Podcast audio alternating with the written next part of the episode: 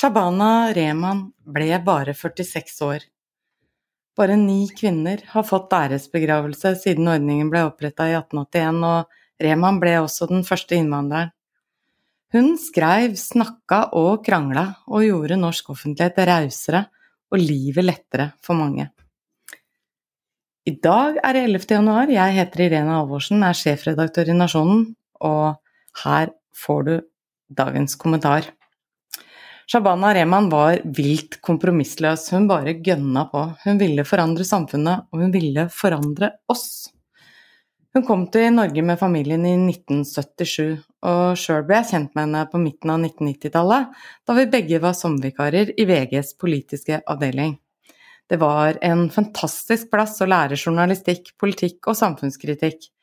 Den gang Norges suverent største avis, en imponerende mediemaskin med mange sterke personligheter. Vi var nok litt bortkomne begge to, ville mye, men fant kanskje ikke helt formen. Vi knokla likevel på i hver vår retning.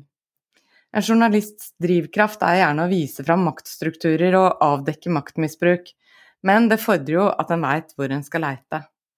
Og mangfoldet i mediene er grunnleggende viktig, mangfold blant ansatte, i kilder, i innhold og i meninger. Også vi i nasjonen må jobbe mer med dette, og det er det viktigste vi i mediene gjør for å sikre en breiest mulig offentlig samtale.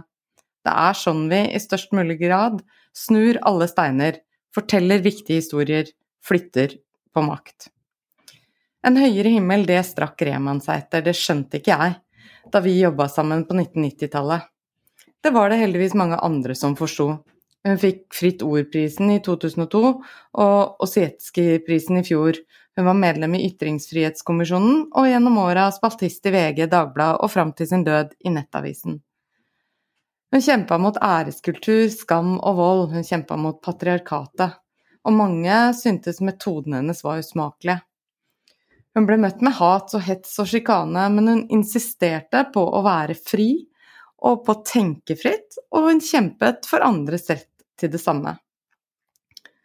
Det kan være vanskelig å se hva andre står i. Derfor er det så imponerende, syns jeg, at redaktøren i den kristenkonservative avisa Dagen, Vebjørn Selbekk, var og er blant dem som lærte Reman godt å kjenne.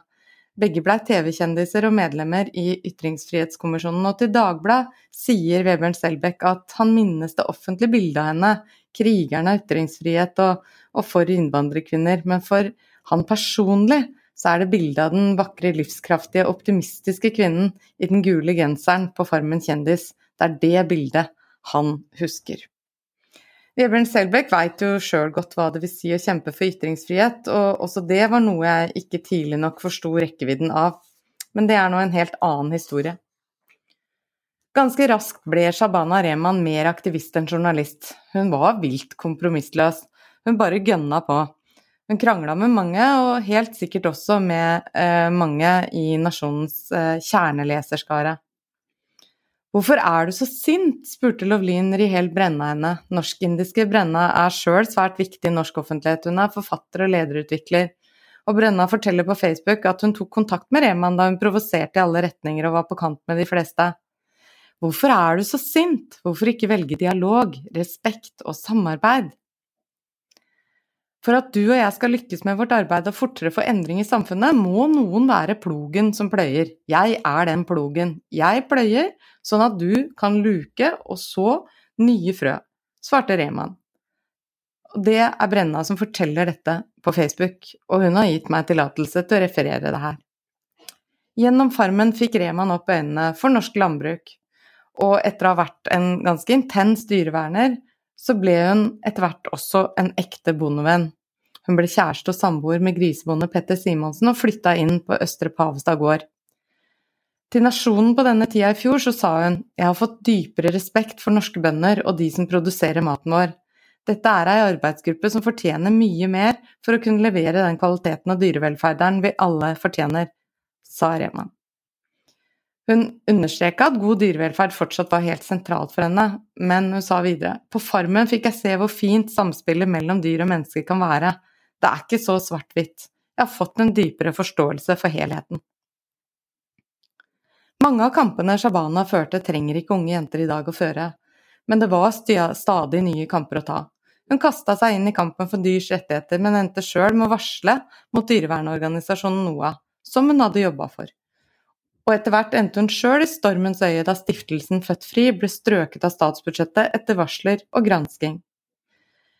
Født Fri ble til slutt slått konkurs, og Fritt Ord-direktør Knut Olav Åmås mener at den saken frarøvet henne hele identiteten, at hun aldri greide å slippe den.